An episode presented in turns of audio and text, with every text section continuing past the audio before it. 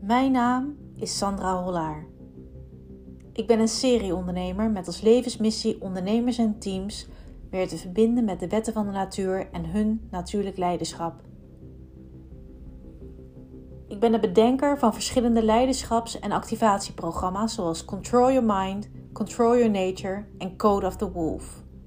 Mijn track record als ondernemer is eindeloos en ik combineer al deze ervaring in mijn werk als natuurlijk leiderschapsexpert en vertaal dit naar de gedragspsychologie van mensen in combinatie met intensieve ervaringen en leiderschapsactivatiedagen met mijn paarden, roofvogels en wolven.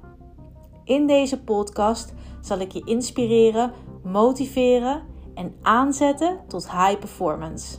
Welkom bij Control Your Mind, Control Your Nature.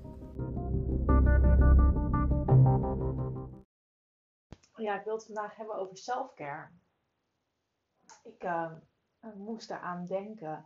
En het is wel interessant om voor je op te nemen. Omdat ik uh, vorige week had ik een dagje wat... Um, nou, ik had een droomdag. Het draaide helemaal om mij. Ik had hem voor mezelf ingepland. Ik uh, ben die dag naar de kapper gegaan. Ik heb een pedicure, manicure gehad. Ik heb een massage gehad. Ik heb lekker alleen geluncht. Ik heb lekker ben door de stad gaan lopen en ben op plekken geweest waar ik graag wilde zijn. Om uh, inspiratie op te doen. Ik was niet bereikbaar. En uh, zowel niet mijn, voor mijn klanten als uh, voor het thuisfront. Ik was gewoon uh, een dag alleen en vanuit die dag heb ik weer hele mooie beslissingen gemaakt. En ja, het was zo fijn. Het was zo fijn. Ik, ik kwam thuis en toen dacht ik, oh heerlijk. Eventjes gewoon me, myself en I. En niet zozeer omdat ik naar de kapper ben geweest. Want ik moet heel eerlijk zeggen, ik ga één, hooguit twee keer per jaar naar de kapper. Ik doe dat gewoon niet zo heel erg graag. Hetzelfde voor uh, manicure. Het is ook niet echt mijn uh, favorite place to be. Maar het was fijn om mezelf eventjes... zo gezegd op te laten poetsen. Want het resultaat is altijd zo mooi. Dus ik bedoel met selfcare niet echt uh, dat je uh, tijd in je uiterlijk moet besteden. Maar meer aan je eigen fysieke en mentale gesteldheid. En ik kreeg na die dag van, oh ja, uh, ik voel me altijd zo schuldig als ik dat doe. daar krijg ik dan reacties op. En ik, um, ik heb me die dag omgeven met heel veel vrouwen die ik overigens niet kon. Maar ik heb lekker alle gesprekken af zitten luisteren. Mijn oren lagen overal op tafel. Vind ik heerlijk.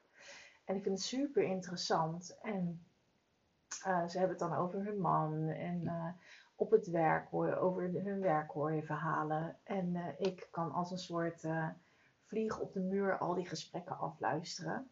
En um, ja, en daardoor hoor je ook wat er speelt bij uh, mensen. En dat is dus echt dat ze het zichzelf niet gunnen um, om uh, selfcare te doen. En dat dat egoïstisch bestempeld wordt. En, ja, en daar wil ik het eigenlijk nu over hebben, want het is totaal niet egoïstisch. Het gaat om grenzen stellen. Uh, en uh, selfcare is cruciaal voor je eigen gesteldheid. Als je kijkt naar uh, de wolven. Ik uh, ga deze week met mijn klanten naar de wolven, dus ik zit helemaal in die vibe. Maar als je kijkt naar de wolven, daar wordt er verlangd dat iedere wolf aan zich zelf aan selfcare doet. Want doen ze dat niet, vormen ze een gevaar voor voor de groep. Als een wolf extra rust nodig heeft, dan gaat hij niet op zijn tandvlees mee op jacht, omdat anders egoïstisch bestempeld wordt door de rest van de groep. Nee, er wordt verwacht dat die wolf rust neemt, thuis blijft. En, nou ja, ik wil bijna zeggen ze wonderlikt, maar uh, rust neemt, oplaadt. En het mooiste is nog dat ze het meest voedzame gedeelte van hun prooi meenemen naar het thuisfront en dat delen met de wolf die selfcare nodig heeft. Dus het meest voedzame stuk wordt gegeven.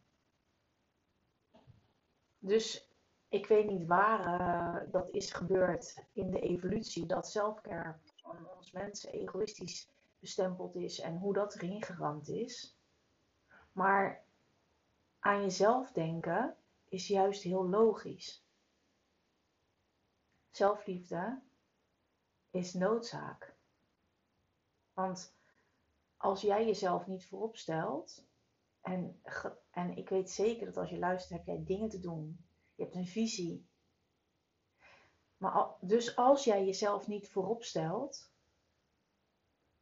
zal het niet, zal jouw generatie niet, zal, zal jouw visie jouw generatie niet overleven. Think about that. Het is, selfcare is een betere, een stap naar een betere versie van, van jezelf. Zowel mentaal als fysiek. Zodat je je doelen kunt behalen. Zodat je betere relaties kunt onderhouden. En zoveel mogelijk uit je leven kan halen. Nou, een van mijn voorbeelden ehm, is Rico Verhoeven. Ik, um, wat hij doet in de sport uh, en hoe hij al uh, ruim negen jaar een wereldtitel behoudt in, uh, en wat hij daarvoor doet, wat hij daarvoor laat. Maar alles wat hij doet is selfcare. Om de beste te zijn. Om, om, en om verandering te brengen. Want ook hij heeft een visie.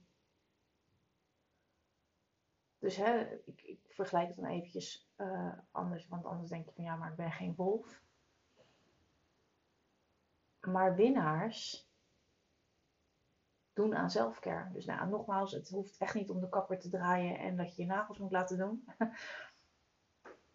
maar je brein krijgt continu prikkels. Continu. Uh, onderzoek heeft uitgewezen dat uh, pin me er niet op vast, maar uh, het brein maakt ongeveer 35.000 beslissingen per dag. En die beslissingen kun je veel beter maken, kun je veel beter optimaliseren als je tussendoor ontspant. Dat je ruimte claimt voor jezelf. Dus nou, ik heb een, uh, een droomdag ingepland voor mezelf afgelopen week.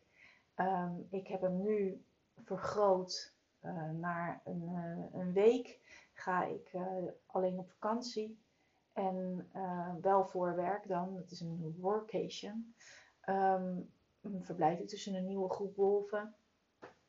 maar ga ik ook echt helemaal alleen doen. Afgezonderd zijn. dus dat is wel echt wel een stapje verder. Maar stel je voor, je denkt van ja, een hele dag uh, vind ik nog uh, te hoog gegrepen. En je luistert deze podcast en denkt, ja man, ik moet ook meer aan selfcare doen. En ik wil, uh, ja, het is gewoon niet egoïstisch. Ik heb dit nodig. Plan dan afgebakende pauzes in. Om ervoor te zorgen dat je net zo goed uitrust als dat je werk levert. Bye.